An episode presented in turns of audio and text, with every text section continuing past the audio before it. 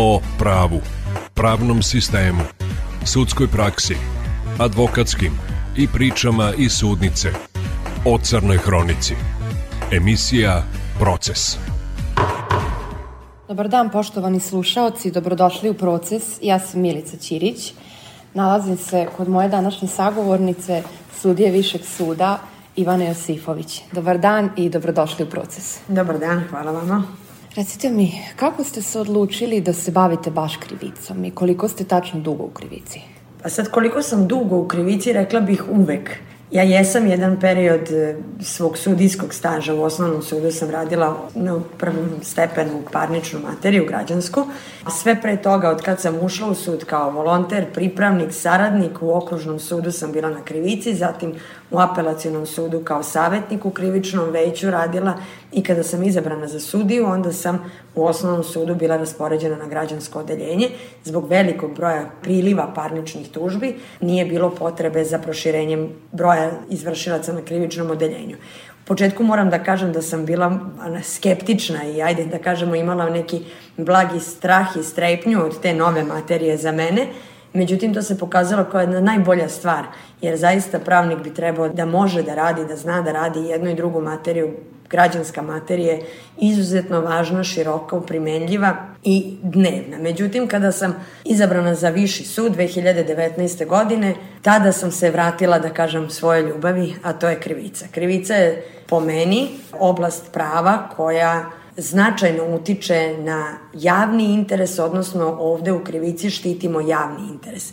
I ima, za razliku od građanske materije kojem se štite privatni interes i koja je naravno važna svakom pojedincu i svakom građaninu, u kontekstu opšte i šire javnosti krivica ima jedan ozbiljan domet i značaj. I tu je moja ljubav prema tome. Recite mi, s obzirom na vaše iskustvo i s obzirom da radite i najteža krivična dela, koliko je moguće i da li je moguće uguglati potpuno neke stvari i potpuno isključiti emocije? Apsolutno ne, nije moguće uguglati. Moguće je emocije usaglasiti i to je ne samo moguće, nego i obavezno. Dakle, sudija ne sme da se involvira emotivno, ne sme da se involvira lično, ne sme da zauzima nikakve emotivne stavove niti prema jednom učesniku u postupku. Kad to kažem, mislim, ni prema okrivljenom, ni na stranu oštećenog da staje svojim emocijama. Dakle, sudija mora da se izdigne iznad toga, da se izmesti koliko je to ljudski moguće i da zaista se vodi samo dokazima koji postoje u predmetu zakonom i naravno svojom savešću a emocije postoje, one su ljudske, ali one ni na koji način, verujte, ne utiču na sudsku odluku. Da li ste sudili nekada kada ste lično poznavali oštećenog u smislu bliski bili sa njim? Ne, nikada. Pritom to je i osnov za izuzeće postupajuće sudije, dakle ukoliko se radi o nekom bliskom odnosu, bilo s rodbinskom, bilo poznanstva, bilo nekog drugog, ajde da kažemo, kumovskog, prijateljskog odnosa i tako dalje sa učesnikom, to ako je bliža rodbinska veza, onda je to razlog za obavezno izuzeće i tu nema dileme, a ako postoji sumnja u pristrasnost prilikom suđenja, onda se odlučuje o tom takozvanom fakultativnom izuzeću. Da vaši slušalci ne budu u zabuni, kada sudija eventualno i traži svoje izuzeće po osnovu neke, ajde da kažemo, veze, odnosno poznanstva sa nekim od učesnika, to ne znači da sudija za sebe smatra da ne bi mogao da radi i da ne bi mogao da bude nepristrasan i objektivan.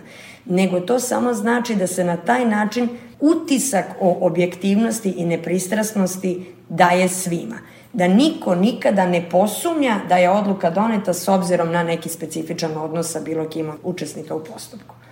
Da li ste doživljavali neke pretnje i da li ste se nekad plašili za vašu bezbednost? Ne, apsolutno ne. Niti sam dobila nikakvu pretnju, niti me ikad iko pozvao u vezi sa bilo kojim predmetom, niti se osjećam ugroženo za svoju bezbednost. A razlog tome je što se zaista trudim, kao što sam ubeđena i sve moje kolege, da sudim samo isključivo s obzirom na dokaze u predmetu i zakonito. Dakle, i kada se izriču najstrože kazne i kada se izriču teške kazne zatvora, meni je savest mirna, zato što ni jednu svoju odluku nisam donela na prečac, nisam prelomila preko kolena, što se kaže, niti mi je iko ikad rekao kakvu odluku da kažem, niti sam je donela pod pritiskom javnosti, niti pod pritiskom bilo čega, sem pritiska dokaza i zakona. I kada radite zakonito, kada poštujete stranke u postupku, kada poštujete učesnike, kada svakom ispoštujete njegovo zakonsko pravo, pa tako naravno na prvom mestu okrivljenom, onda nema razloga ili ne bi smelo da bude razloga za strah.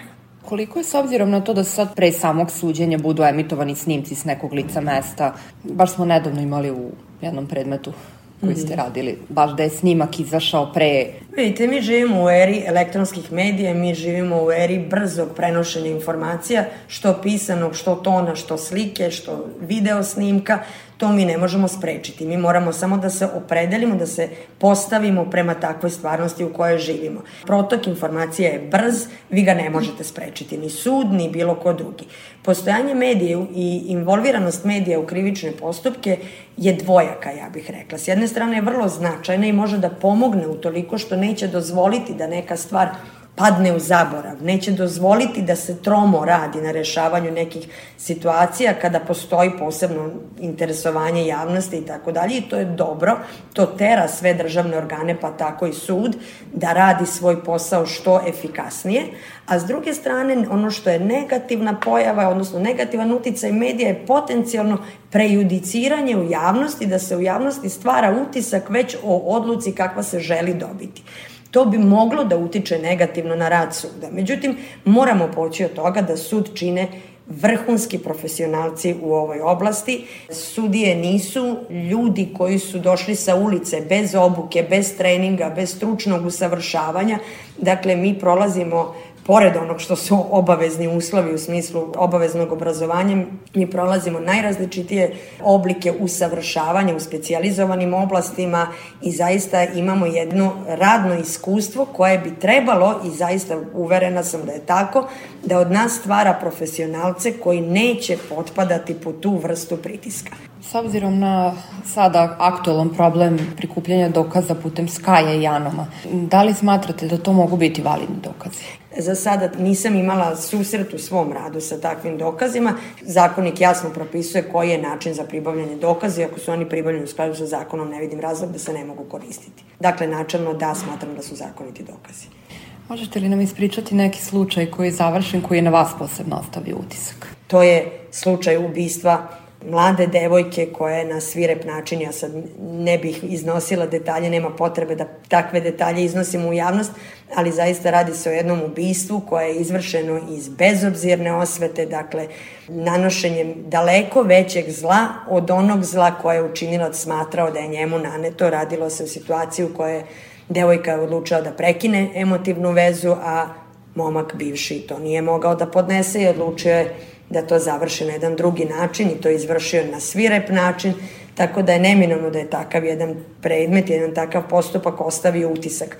Okolnosti tog i izvršenja dela i posledice dela su toliko daleko sežne da nikog u javnosti u Novom Sadu nisu ostavile ravnodušne. S obzirom na, na sve to što smo pričali o dokazima i o medijima, da li konkretno pritisak medija Koliko to utiče na okrivljeno, konkretno i na sam tok postupka? Ima okrivljenih na koje to deluje na jedan čudan način, u smislu da mu daje popularnost. Znate, ima okrivljenih koji to doživljavaju kao da su sada oni neke poznate ličnosti, koji na krilima te popularnosti pokušavaju da se ponašaju sudnici, što naravno sud u skladu sa zakonikom krivičnom postupku sankcioniše i drži pod kontrolom, ali može naravno da deluje na okrivljenog i negativno u smislu da već osjeća osudu javnosti i pre presude.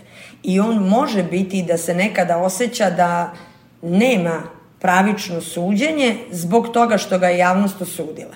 Ali to su sve utisci. Ono što ja mogu da vam kažem je da to, ponavljam, ne utiče na tog sudskog postupka niti na sudsku odluku. Mnogo vam hvala što ste govorili za radio. Hvala vam što se bavite važnim temama. Proces.